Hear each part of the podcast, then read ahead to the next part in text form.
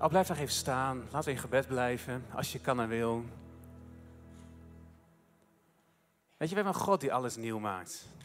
En ik geloof ook deze ochtend, het is niet gewoon een, een kerkdienst. Het is een moment waarin wij samenkomen, weet je, voor zijn troon, voor zijn aangezicht. En ik geloof, het is, het is meer dan dat, meer dan een dienst. Het is een moment waarop wij onze God, onze Jezus mogen ontmoeten. Of we hem nou heel goed kennen, of misschien kom je hier voor het eerst, of kom je nog maar kort binnen. Maar waarop hij van binnenuit harten wil veranderen. Laten we een moment bidden. Vader, dank u wel dat we zo door onze aanbidding heen. Heer, dat een open deur is om in uw aanwezigheid te komen. Als we soms zelf geen woorden hebben, Heer, dat u ons woorden geeft door samen te zingen. Heer, het is meer dan een lied, het is aanbidding. Aanbidding is dat we u op de eerste plaats zetten in ons leven. En zoals we het net zongen, Heer, u maakt alles nieuw. Heer, we willen dat opnieuw proclameren over onze eigen levens, zoals we hier zijn vandaag. Heer, dat het meer is dan een dienst, meer dan een kerkdienst, maar dat het een ontmoeting is met de Allerhoogste. Waarin we opnieuw, Heer, gebieden in ons leven die vernieuwing nodig hebben. Dat uw Heilige Geest, uw wind, uw ruach, Heer, daar gaat waaien. Heer, wilt u vernieuwing brengen, ook op gebieden waar we misschien nooit meer vernieuwing durven te verwachten. Dingen die we geaccepteerd hebben. Heer, wilt u ons van binnenuit veranderen. Heer, zo zegen elkaar, we zegenen vanuit deze plek, Heer, alle andere kerken in de omgeving. Heer, die u, u eren, u verkondigen met groei en met bloei. Heer, we zegenen ook met elkaar, Heer, de situatie wereldwijd, Oekraïne, maar naast Oekraïne andere landen waar al zo lang zoveel strijd is, pijn is, mensen zoveel zekerheid kwijtraken. Heer, waar zoveel vernieuwing nodig is. Niet alleen praktisch, fysiek, maar ook geestelijk, emotioneel. Vader, we spreken als een vorm van voorbeden dit nummer uit, Heer, over de wereld waarin we leven. Dat we vernieuwing mogen brengen, dichtbij en ver weg. Heer, zo zegen elkaar in Jezus' naam. Amen. Amen. Ja, en nu mag je zitten. Hey, goedemorgen. Ja, een aantal mensen denken misschien wie is die jongen die hier nu in staat. Een aantal kennen mij misschien wat beter. Uh, ik ben Arnold Sturing vanuit City Life Church Assen. Dus aardig in de buurt. En ook in Assen zijn we blij met de lage, zeer lage benzinekosten. Ik weet niet wie dat net deelde, maar uh, heel mooi gedeeld. Gek hè, dat je als je het eerst verhoogt en dan een stukje omlaag doet, dan denk je in één keer dat we heel weinig betalen. Maar uh, ik ben dankbaar om hier te zijn deze ochtend. Um, nogmaals, Nicola, Angelique, jullie samen. Ik ben als voorganger ook heel dankbaar voor jullie binnen CLC. Wij zijn uh, net tien jaar zijn wij de kerk begonnen. Tien jaar geleden begonnen mijn vrouw en ik de kerk in Assen. Uh, werden we gelijk CLC. We hebben net in maart hebben een feestmaand gehad. Dat we tien jaar CLC Assen vieren. Maar ik ben heel dankbaar om met jou op te mogen trekken, Nicola. Ik ben toch een beetje het jonge zusje van jou, zo zie ik het. Hè, als de kerk een dochter is, vrouwelijk. Uh, ik kan veel van je leren, goed om elkaar te inspireren. Dus laten we onze, onze leiders eren, laten we in gebed achter ze staan. En, uh, en dankbaar om zo samen op te mogen trekken. Dus ik kijk ook uit naar de toekomst. Alles wat we ook vanuit Assen en Leeuwarden met elkaar nog zullen gaan doen. Heel goed. Hey, ik ga spreken over uh, het thema. Jullie gaan vandaag een nieuwe serie starten, klopt dat? Mental health. Gewoon je geestelijke gezondheid. Ik geloof dat jouw geestelijke gezondheid, emotioneel, psychisch, is niet alleen maar belangrijk voor ons, maar is belangrijk voor God. God heeft het beste met je voor op elk gebied in ons leven. Dus complimenten dat jullie hier een hele serie over doen. Je mental health. Ik denk dat, dat juist de kerk een plek is waar we overal eerlijk met elkaar over mogen praten. Dus ik vraag even toestemming of we hier eerlijk over mogen praten. Ik kijk even in de zaal. Ja, ik zie een paar mensen knikken. Ja, is dat goed? Ja, je mag een beetje reageren hoor, dat mag, ja. Maar dat geeft mij ook, want ik pas me natuurlijk aan. Binnen Assen, dan, dan weet ik hoe dat kan, maar, maar binnen Leeuwarden mag ik dat een beetje aanvoelen. Maar ik denk dat het een heel mooi, heel mooi voorbeeld is. En ik, ik wil dat gewoon ook gelijk eerlijk delen. Ik geloof dat juist de kerk de plek is waar we naast elkaar mogen staan en, en eerlijk mogen zijn. Een plek waar we geen maskers op hoeven te doen, maar wat maskers juist af mogen. Dus uh, Nicola vroeg, om mij, uh, vroeg mij om iets te delen over identity, over je identiteit. Uh, weet je, waarom, waarom zijn, wie zijn wij van, van binnen? Wat is onze ware identiteit? Waarom doen we bepaalde dingen? Waarom doen we sommige dingen wel die we eigenlijk niet willen? Waarom doen we sommige dingen niet die we wel zouden willen doen? En ik wil daar wat dieper met je op ingaan vandaag. Um, het was twee jaar geleden, begin corona, dat ik zelf eigenlijk ook men, mental, geestelijk, psychisch door een lastige tijd ging. soms gebeurden ook in mijn leven dingen die ik niet snap. Want aan de ene kant, ik voelde me gewoon schuldig, want ja, je leeft toch met de Heer. Dus als je met je Heer leeft, gaat het toch altijd goed? Toch? Was het maar waar, zegt iemand heel eerlijk. Nou, dat is ook een heel eerlijk antwoord. Ik ben opgegroeid in de vrijgemaakte kerk. En daarna gingen we naar de Pinkstergemeente. En weet je, daar heb ik hele waardevolle dingen geleerd. Maar ik heb gewoon, eh, en ik heb dat ook eerlijk een keer in Assen gedeeld. Um, weet je, zondag geef ik alles. Ik ben heel intens, ik ben heel gevoelig. Gesprekken die ik heb, neem ik mee als ik thuis kom, ook naar de dienst. Dan, oh, dan, moet ik even, dan heb ik tijd nodig om te ontladen, want dan ga ik weer malen over dingen. Als Max gaat racen, Formule 1, dan kan ik het altijd even overbruggen, want ik ben een enorme Formule 1-fan. Dan kan ik dat even laten rusten. Maar voor mij, het, mijn, zwakke moment in de week is zondagavond. Dat is een moment waarop, weet je, dat zijn de kinderen boven en dan is het stil en dan wordt het rustig. En dan, dan, dat zijn momenten waarop waarop ik wel eens down kan voelen. En ik voel me gewoon schuldig om dat te moeten zeggen. Want je bent voorganger. En je, als je met de Heer leeft, gaat het altijd goed. En de Heer is mijn vreugde. En dat is ook allemaal zo. En van binnen voel ik me vrolijk en voel ik, me, voel ik Gods vreugde in me. En dan tegelijkertijd heb ik wel eens momenten dat ik me, me down voelde. En, en, het is heel grappig, maar vanaf dat moment zijn er vaste mensen in Assen die mij elke zondagavond een berichtje sturen, een bijbeltekst of een plaatje met een mooie tekst of een mooi filmpje. Het is allemaal heel lief bedoeld en ik zeg ook tegen ze, hey, maak je geen zorgen, het gaat goed met me. Maar ik denk als we eerlijk naar ons eigen leven kijken, er kunnen soms momenten zijn. Soms zijn het vaste momenten in de week. Er zijn misschien meer mensen die, met, die werken met enorme verantwoordelijkheid. Dat het gewoon te veel wordt en dat je, dat je, wat, dat je wat zwakker voelt. Weet je, hoe kan dat? En, en ik voelde me schuldig, want er zijn zoveel zegeningen in mijn leven. En ik heb, een, ik heb een huis en ik heb een vrouw. En andere volgorde, eerst je vrouw natuurlijk. En dan je huis en dan je kinderen. En, en we vieren tien jaar CLC Assen. En God heeft de kerk zo enorm gezegend met een eigen gebouw en zoveel mensen. En, en ik voelde me schuldig van, wie, weet je, wat ben ik ondankbaar. Dus ik, ik begon dat voor mezelf, begon ik me wat meer te verdiepen in, hey, hoe, hoe kan dat? Dus ik wil iets van mijn eigen studie naar dit onderwerp, want ik wou mezelf begrijpen. Want hoe kan ik een ander helpen? Hoe kunnen wij elkaar helpen als we onszelf niet begrijpen? Dus ik wil met jouw toestemming, wil ik gewoon wat dieper ingaan uh, op deze gevoelens. Onze identiteit en waarom we soms bepaalde dingen voelen. Als CLC zeggen we dat we eigenlijk drie dingen doen. Wij helpen mensen om God te leren kennen, vrijheid te ervaren en verschil te maken. De eerste is heerlijk, God leren kennen. De tweede is vrijheid ervaren. Dat is eigenlijk wat we in deze serie doen. Dat heeft alles te maken met dat jij, dat wij jou willen helpen om de persoon te worden zoals God jou bedoeld heeft. Gewoon jij, dat je jezelf kan zijn in Gods identiteit voor jou. Maar die eerste twee hebben een doel. Namelijk het derde, om dat weer te gebruiken om verschil te maken in levens van anderen. Maar we, we zoomen dus eigenlijk met deze serie wat meer in op verschil of uh, vrijheid ervaren.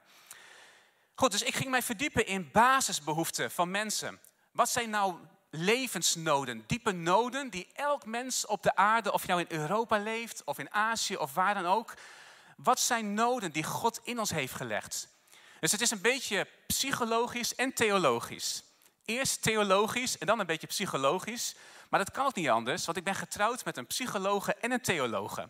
Het was net alsof God zoiets had van, nou die jongen, Arnoud die heeft ze allebei nodig. Ik heb ook theologie gedaan. Mijn vrouw heeft er psychologie bij gedaan. En ik kan uh, zeggen, dat kan soms heel handig zijn. Dat je altijd je eigen persoonlijke sessies thuis hebt. Ook op zondagavond.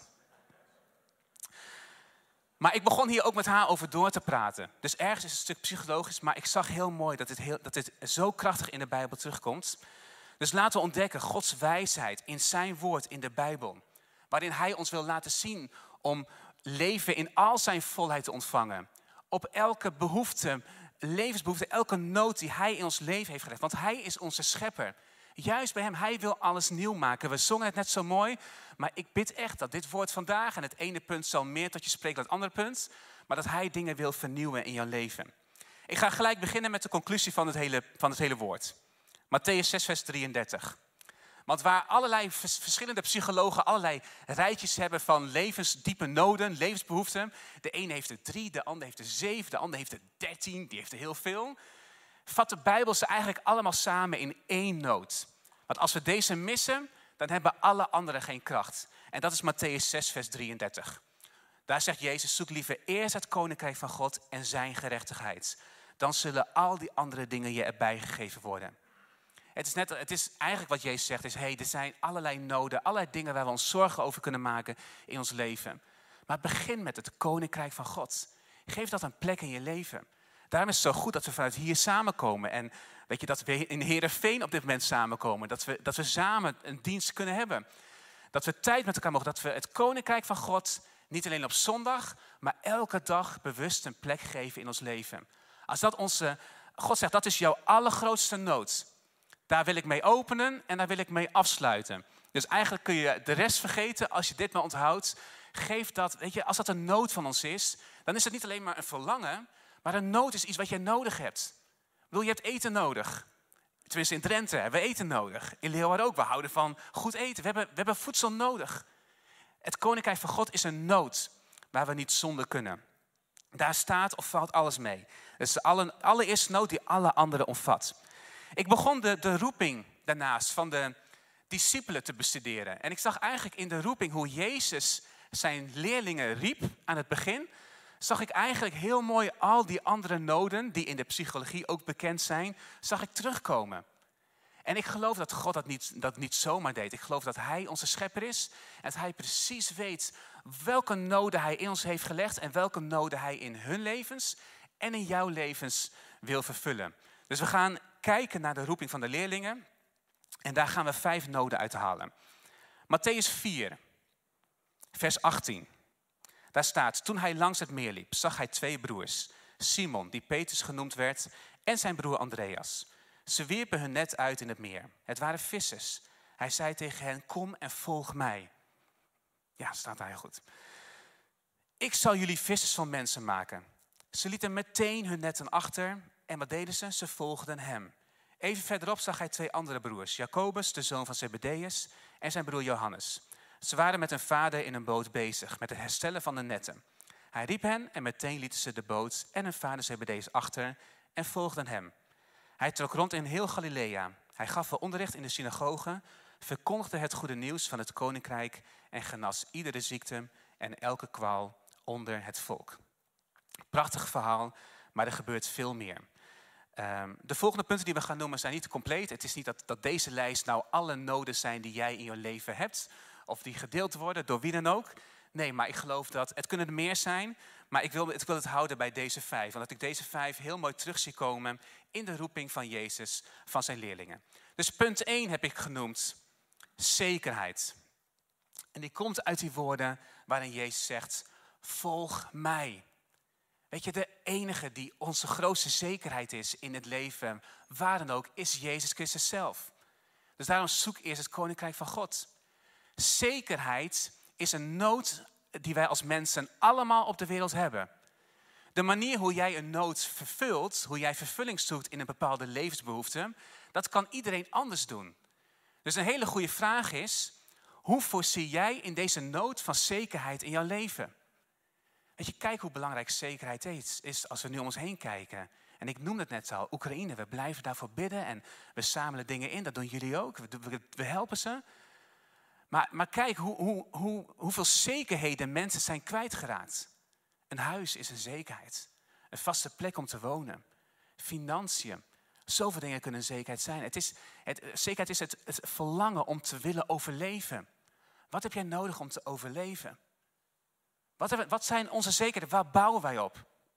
Er kunnen zoveel dingen zijn in ons, in ons leven. Onze gezondheid is zo'n nood. Is een, is een manier hoe we daarin willen voorzien.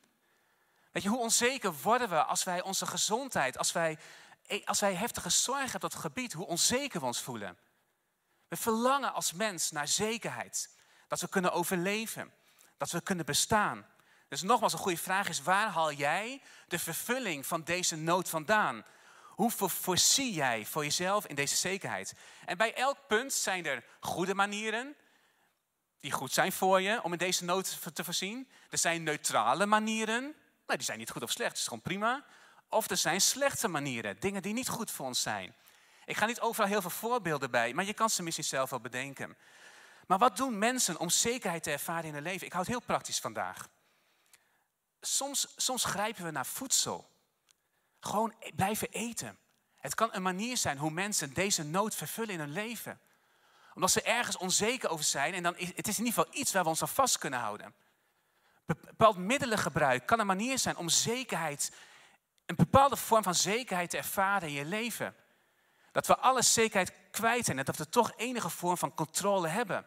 Waardoor mensen dit als vervulling van die nood die we allemaal hebben kunnen gebruiken. We gebruiken middelen om toch enige zekerheid te hebben. dan voelen we ons toch even goed. De controlefreaks. Zijn die controlefreaks in de zaal die overal controle over? Ja, heel eerlijk, daar gaan handen omhoog. En nogmaals, sommige dingen zijn neutraal. Ik zeg niet of het, dat het goed of slecht is. Maar het is goed dat wij in onszelf gedrag herkennen, dat wij beseffen waarom wij bepaalde dingen doen. Soms, ik zeg niet dat het altijd zo is, maar soms kan een, een, een overdreven drang om overal controle over te hebben, kan een manier zijn, heel onbewust, om deze nood te vervullen. Dat we, dat we toch, ja, zolang we overal controle over hebben, voelen we enige vorm van zekerheid. Totdat we erachter komen dat we nooit als mens overal en op iedereen controle kunnen houden. Vaak heeft ook een manier hoe we een nood vervullen, heeft weer invloed op een andere nood. Soms kunnen relaties stuk gaan omdat wij zo overdreven, of ik als voorganger misschien overal controle over wil houden, dat andere mensen zich niet gerespecteerd of gezien voelen. Dus alles heeft weer verhouding met elkaar. Maar wat zegt de Bijbel hierover? Romeinen 8, vers 38. Ik ben ervan overtuigd dat dood nog leven, engelen nog machten, nog krachten, heden nog toekomst, hoogte nog diepte, of wat er ook maar in de schepping is, ons zal kunnen scheiden van de liefde van God, die, ons heeft gegeven in Christus, eh, die Hij ons heeft gegeven in Christus Jezus, onze Heer. Wij mogen onze grootste zekerheid halen, juist bij dat koninkrijk van God. Dus als wij ergens het gevoel hebben dat wij op andere dingen proberen, andere dingen proberen te pakken om die nood te vullen, dit mag onze eerste manier worden om deze nood van zekerheid te vervullen in ons leven.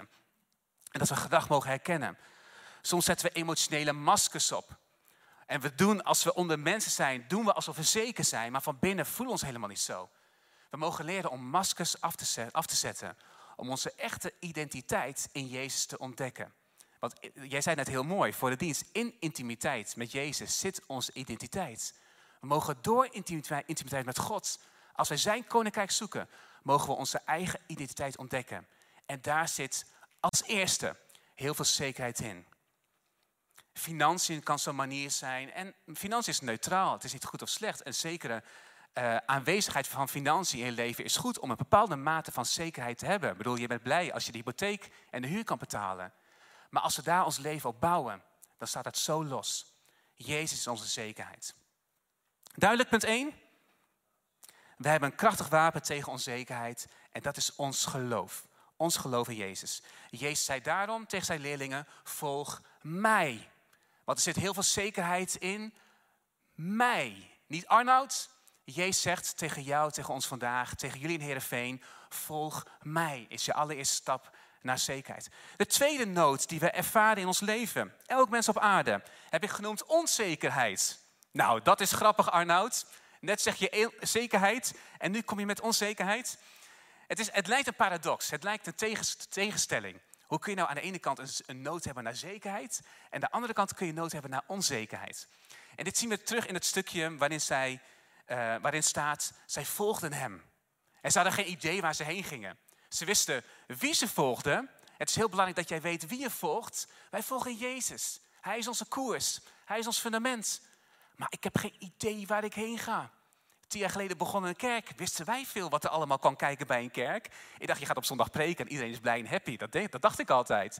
Totdat je samen kerk bent en er gebeurt van alles. Jij roept ons in een avontuur.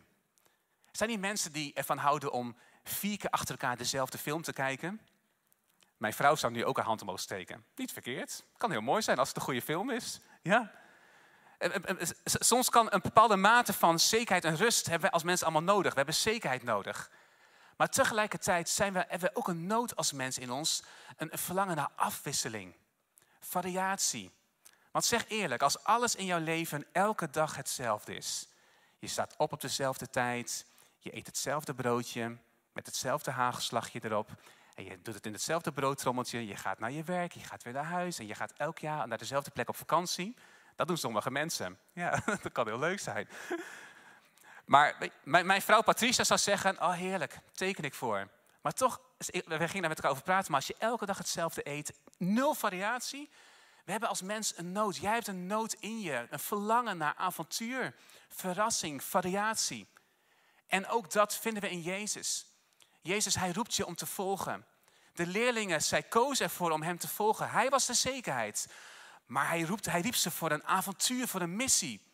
Ik, dacht dat, ik denk dat ze tegen elkaar zouden zeggen van, ik heb geen idee wat er gaat gebeuren. Maar dit wordt kicken man, dit wordt, dit wordt fantastisch. We gaan genieten. Er, is, er zit een bepaalde verlangen naar avontuur in elk mens. Ja, een bepaalde mate van zekerheid is fijn. Maar ook mensen die alles hebben, ook wereldwijd. Mensen die niet hoeven te werken, genoeg financiën. Op een gegeven moment, soms zie je dat, dat mensen depressief worden omdat ze gewoon niks meer te doen. Ze hebben alles bereikt. Je hebt niet echt meer een doel om te leven. Alles is zeker. Alles is veilig. Als mensen hebben een verlangen. We hebben een nood naar variatie. De ene iets meer, ben ik heel eerlijk in, dan de ander. Maar deze leerlingen, zij volgden Jezus. Jezus riep ze vanuit zekerheid met hem in een avontuur die eigenlijk heel onzeker of heel onbekend was. Wat doen mensen om deze nood te vervullen? Heel letterlijk, heel pijnlijk. Maar soms gaan mensen letterlijk, soms laten ze hun partner achter, omdat ze de spanning missen. En ze gaan, ze gaan vreemd met anderen in, op het gebied van relaties. De manier die wij gebruiken om een nood te vervullen, kan soms zoveel kapot maken. Het maakt relaties stuk. Maar ik deel dit omdat we soms moeten begrijpen waar gedrag uit voorkomt. Het komt uit een diepe nood naar, naar afwisseling, variatie, avontuur. Ik hoorde een keer een vrouw, een, een vrouw vertellen, haar getuige, dat was heel pijnlijk eigenlijk. Maar ze had alles veilig. Maar, maar ergens, zij noemde dat de foute man. Ik, denk dat ik, ik weet niet of ik een foute man ben. Ik denk dat ik een vrij, ja, nou ja, misschien vrij onschuldig lijk. Maar, maar zij, zij noemde dat, weet je, het verlangen naar een, een foute man. En, en, en zij verliet haar man, wat zo veilig en zo eigenlijk voorspelbaar was. Totdat zij erachter kwam dat die onzekerheid dat dat ook niet was wat ze zocht. Want niks, en in één keer ging ze weer terugverlangen naar het eigenlijk voorspelbare, maar wel het zekere, de vastigheid. En soms kunnen we dan getrokken worden tussen, tussen deze twee noden. Maar soms kunnen mensen iets zo kostbaars laten liggen om te voorzien in een nood. Op het gebied van relaties. Verslavingen online. Soms pornoverslavingen. Ik noem het gewoon, want we kunnen dat binnen het CLC noemen, toch? Waarom doen mensen dat? Het is een hele goede vraag. Waarom doen wij bepaalde dingen in ons leven? Wat is mijn identiteit? welke honger probeer ik te vullen? Heel vaak komen we erachter dat we een, een, een nood, die nood is niet verkeerd. Nogmaals, er zijn goede, neutrale en slechte manieren om een nood te vervullen. Het kan zijn dat die nood goed is, dat God jou geroepen heeft voor avontuur, voor een leven met Hem. Maar dat de manier hoe wij die nood vervullen, dat dat niet is wat God voor je bedoeld heeft. En dat wij met Hem op zoek mogen gaan naar, hey, waar kunnen we dan die afwisseling, die variëteit, avontuur zoeken? Hoe kan ik dat in mijn relatie opnieuw vinden? Hoe, kan, hoe kunnen we dat in de kerk samen op een gezonde manier hebben? Hoe kan ik dat in mijn leven hebben? Het is veel beter om een middagje te gaan karten. Daar zit heel veel spanning en sensatie in. Ga, ga in een spannende achtbaan. Maar, maar, mensen kunnen van allerlei dingen doen. Maar we, we hebben ergens een bepaalde mate van avontuur nodig. 2 Timotheus 4 vers 7. Maar ik heb de goede strijd gestreden, de wedloop volbracht, het geloof behouden. Ons leven is een avontuur. Het is een wedloop, vol spanning en sensatie. We op zoek gaan naar gezonde vormen van variatie. De derde, betekenis heb ik die genoemd. Hij zei, het allereerste wat hij zei, ik zal jullie vissers van mensen maken. Dat is een hele duidelijke missie, een roeping, een betekenis. Elk mens hongert naar ontdekken, naar wie is mijn, wat is mijn identiteit? Wie ben ik? Doe ik het toe? Zien mensen mij? Waarderen mensen mij? Ben ik mooi? Ben ik belangrijk? Elk kind verlangt ernaar om van zijn vader en moeder te horen: Ben je trots op mij? Weet je, hou je van mij? Dochters, dochters verlangen het om van hun vader te horen: Ben ik mooi? Weet je, als wij als vader geen antwoord hebben, dan, zal de wereld antwoorden hebben. Maar die antwoorden wil jij niet dat zij die aan jouw dochter geven. Juist in God mogen wij die betekenis vinden. Die nood is niet verkeerd. Nogmaals, die nood heeft God in ons gelegd. En hij wil ons laten zien dat ons leven betekenisvol is. Ik heb een jong zusje. En dat is heel grappig als je jonge zusjes hebt. Want jonge zusjes die geven showtjes. Is dat bij jullie thuis ook zo? Die gaan een dansopvoering geven. En dan worden toen wij klein waren, werden we, en we hadden altijd heel veel pleegkinderen in huis. Dus er werden allemaal stoeltjes klaargezet. En dan moesten we allemaal zitten. En dan ging zij helemaal, ging zij... Uh, eigenlijk is dat gewoon een verlangen naar, zien jullie me? Het, gewoon het verlangen om gezien te willen worden, uniek zijn. En ik weet zeker als ik dat zo deel, dat we dat allemaal herkennen in ons leven. We willen allemaal belangrijk, we willen ertoe doen. Gezien worden. Jezus zei gelijk, ik zal jullie vissers van mensen maken. Hij gaf ze een duidelijk doel, een duidelijke opdracht. Ook in deze nood zijn er gezonde, neutrale en ongezonde manieren om dit te vervullen. Altijd maar op zoek naar competitie. Een beetje competitie. Ik hou van competitie. Binnen Assen houden we van competitie. We hadden net onze vrijwilligersparty donderdagavond. Er zit altijd competitie in. Maar soms kan er een ongezonde drang van competitie in ons leven zitten. Dat we ons altijd aan het vergelijken zijn met anderen. Omdat wij meer weten en wij doen meer en wij zijn sneller en we zijn mooier en we zijn knap. We zijn altijd maar gezond. Ah, weet je, ik ben eerder klaar met tandenborstel, met tandenpoetsen. En ik ben eerder boven. En we kunnen een ongezonde drang naar competitie in onze kinderen leggen zelfs. Weet je, waar komt het uit voort? Het kan, ik zeg niet dat het altijd zo is, maar het kan voortkomen uit gewoon je beter voelen dan een ander. Niet dat je dat zo duidelijk zegt, maar gezien worden, betekenis. Oh, zie je wel, ik ben ergens goed in. Er kan een drang in ons zitten om dat te bevestigen. Het kan een stuk van onze identiteit worden. Bepaalde posities bereiken. Nogmaals, het is neutraal. Maar als die positie voor jou een manier is om je betekenisvol te voelen, ja, voor een deel is dat prima. Maar, maar laat niet onze identiteit daarop gebaseerd zijn. Een bepaalde stijl van kleding, nogmaals, is neutraal. Je hoort bij een bepaalde groep. Kinderen, kinderen kan iets zijn waar de ouders zich betekenisvol voelen. Soms heb je ouders en die, natuurlijk mag je trots zijn op je kind. Maar we kunnen soms overdreven opscheppen over onze kinderen. Oh, mijn kind kan heel goed piano spelen. Nou, mijn kind kan piano spelen op zijn kop. Oh, nou, mijn kind kan piano spelen op zijn kop met zijn tenen. En zo kunnen we maar doorgaan. Er kan een ongezonde drang, weet je, en dat wordt ook vervelend. Maar eigenlijk zit er een diepe hunkering in naar bevestiging. Ben ik goed?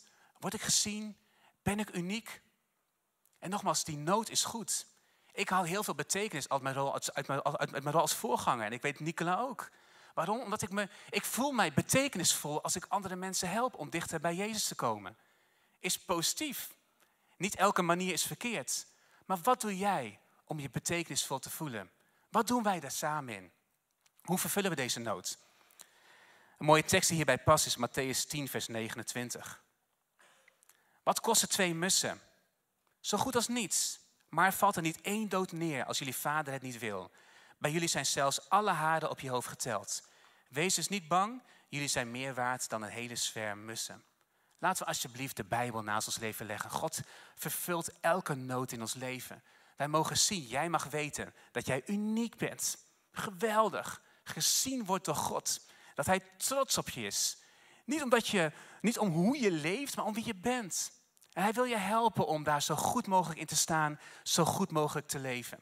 Maar hij houdt van je zoals je bent. De vierde, ik ga snel verder, ik ga richting afronden. De vierde is contact. Kan ik kort houden.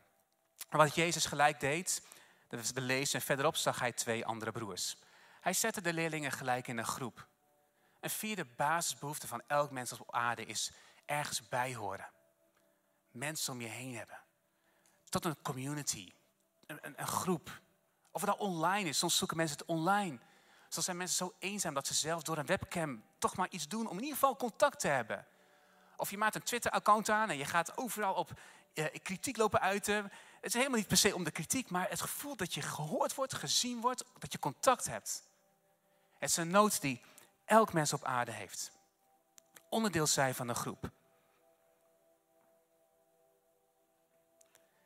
Jongeren gaan bij groepen, motorclubs of we gaan naar de kerk. Nogmaals, het is goed, neutraal of slecht. Je mag het zelf invullen. De kerk is een mooie manier om te horen tot zijn lichaam. Een community. Een plek waar we mogen komen zoals we zijn. Waar maskers af mogen, waar we onze identiteit mogen ontdekken en waar we onderdeel mogen zijn van zijn lichaam. Connectgroepen door de weeks. Dat is de plek waar we echt betrokken mogen raken bij onszelf, of bij anderen. Een prachtige manier om deze nood die wij allemaal hebben te vervullen. Gewoon bevredigd te zien worden in ons leven. Romeinen 12, vers 5. Zo zijn wij samen één lichaam in Christus en zijn we ieder apart elkaars lichaamsdelen. Jezus riep zijn leerlingen in, in een groep, een community, om ergens bij te horen. En dat is, dat is tussen mensen. De belangrijkste community is tussen God en jou. Weet je, je mag weten dat je bij Hem hoort. Dat Hij je ziet. Dat Hij je vader is, je schepper. Hij verlangt ernaar om die intimiteit, geen religie zeggen we, maar relatie. Dat is wat hij kan brengen op aarde. Hij wil onderdeel zijn van jouw leven. Dat jij weet dat hij je ziet. En hij wil jou plaatsen in een gezonde community van mensen om je heen. Daarom is het zo belangrijk dat, hey, gelukkig corona is voor een groot deel achter de rug. Laten we weer samenkomen. Laten we dat weer belangrijk vinden. Dat doe je niet alleen maar voor mij, maar dat doe je ook voor degene naast je. Want, want jij hebt het nodig, maar anderen hebben jou ook weer nodig. Laten we naar groepen gaan. Laten we ook in kleine groepen elkaar weer zien. Want het vervult een nood die God in elk mens heeft gestopt. En de laatste, daarmee sluit ik af. Punt 5, ze lieten meteen hun netten achter. Die heb ik geven genoemd. Ze gaven letterlijk alles weg wat ze hadden en zij volgden Jezus. En ik vond het een hele mooie om mee af te sluiten. Want die anderen zijn best wel gericht op onszelf. Gewoon op onze, ik wil betekenisvol zijn. Weet je, en ik wil ja, bestemming ontdekken, ik wil weten wie ik ben. Het gaat allemaal heel erg over ik. Ik wil zekerheid, ik wil avontuur, alles. Maar dit rijtje is niet compleet zonder ons te richten op de ander. Je kunt alles doen, je kunt zoveel bereiken. Maar je zult je toch niet vervuld voelen als jij je niet richt op een ander. Jezus gaf alles wat hij had. Binnenkort vieren we Pasen, Goede Vrijdag komt eraan. Hij gaf het perfecte voorbeeld. En hij heeft het zelfs als een nood. Nogmaals, het is geen verlangen, hè? Oh, het is leuk als ik het heb, maar zo niet. Ah, maakt niet uit. Nee, het is een nood. We kunnen niet zonder. Hij heeft het als een nood in jou gelegd. Om iets toe te, toe te willen voegen aan een ander. Jij bent blij als je ziet dat jij een ander iets kan geven waar een ander mee helpt. En eigenlijk voor al deze punten die we net genoemd hebben, geldt dat als jij dat wil ontvangen, zekerheid, onzekerheid, betekenisvol, contact, als jij die dingen, als jij die dingen wil ontvangen voor je leven, begin het te geven aan een ander. En je zult zien dat je het zelf gaat ontvangen. Maar God heeft ons met een doel op aarde gezet. Om verschil te maken. Geef. Hebreeën 13, vers 16. En houd de liefdadigheid en de onderlinge solidariteit in ere. Want dat zijn offers waarin God behagen schept. God schept behagen. Hij heeft het als een nood in ons gelegd. Om niet alleen aan onszelf te denken, maar om nu naast mensen in Oekraïne of waar dan ook op de wereld, ook dichtbij je eigen straat, om naast elkaar te staan. En waarom zit dat verlangen in je? Omdat het een nood is die de schepper in onze harten, in onze levens heeft gelegd. Ik sluit af weer met de allereerste tekst die ik las. Matthäus 6, vers 33. Zoek liever eerst het koninkrijk van God en zijn gerechtigheid. Dan zullen al die andere dingen je bijgegeven worden. Ik geloof, we kunnen ons richten op zoveel noden in ons leven. Maar alles staat of valt met het hebben van Gods koninkrijk op de eerste plaats in je leven. Dat is de reden waarom we samenkomen. Dat is het allereerste wat we doen in de nieuwe week. Zondag is de eerste dag van de week. Het is wat we elke dag doen. We zoeken zijn koninkrijk. En het is de allerbelangrijkste stap om vervulling te vinden op al die andere noden die God in ons leven heeft gelegd. Dus laten we bidden. Ik wil een zegen over je uitspreken. We willen je als kerk helpen. Daarom is het zo goed, misschien ben je hier als gast, om onderdeel te worden van de kerk. Onderdeel van zijn lichaam. Onderdeel van een groep, zodat we naast elkaar kunnen staan. Want nogmaals, identiteit komt uit intimiteit. Vader, dank u wel dat we zo uw zegen mogen uitspreken over ons allemaal. Je hebt ons zo mooi gemaakt van binnenuit. Gezonde noden in ons gelegd. Ik bid dat we ook door dit woord heen, dat we ons gedrag onder de loep mogen zetten. Dat we waarom vragen mogen stellen van waarom doe ik dit eigenlijk? En dat we mogen ontdekken welke nood we eigenlijk diep van binnen voeden. Gezonde noden die ons leven zo mooi maken. Dingen die u in ons heeft gelegd. Maar waarbij u ons wilt helpen om het juiste gedrag te vinden. De juiste keuzes. Zodat we uw leven in al zijn volheid mogen ervaren. Ik spreek uit dat we als eerste uw koninkrijk mogen zoeken. Dat u de eerste plaats hebt in ons leven. U, Jezus Christus. Dat dat de ware vorm van aanbidding is. Dat u het allerbelangrijkste bent voor ons, omdat wij het allerbelangrijkste zijn voor u. Zo zegen ik aan ieder hier. Vorm ons van binnenuit. Laat ons zien wie wij zijn in uw ogen. In Jezus' naam. Amen.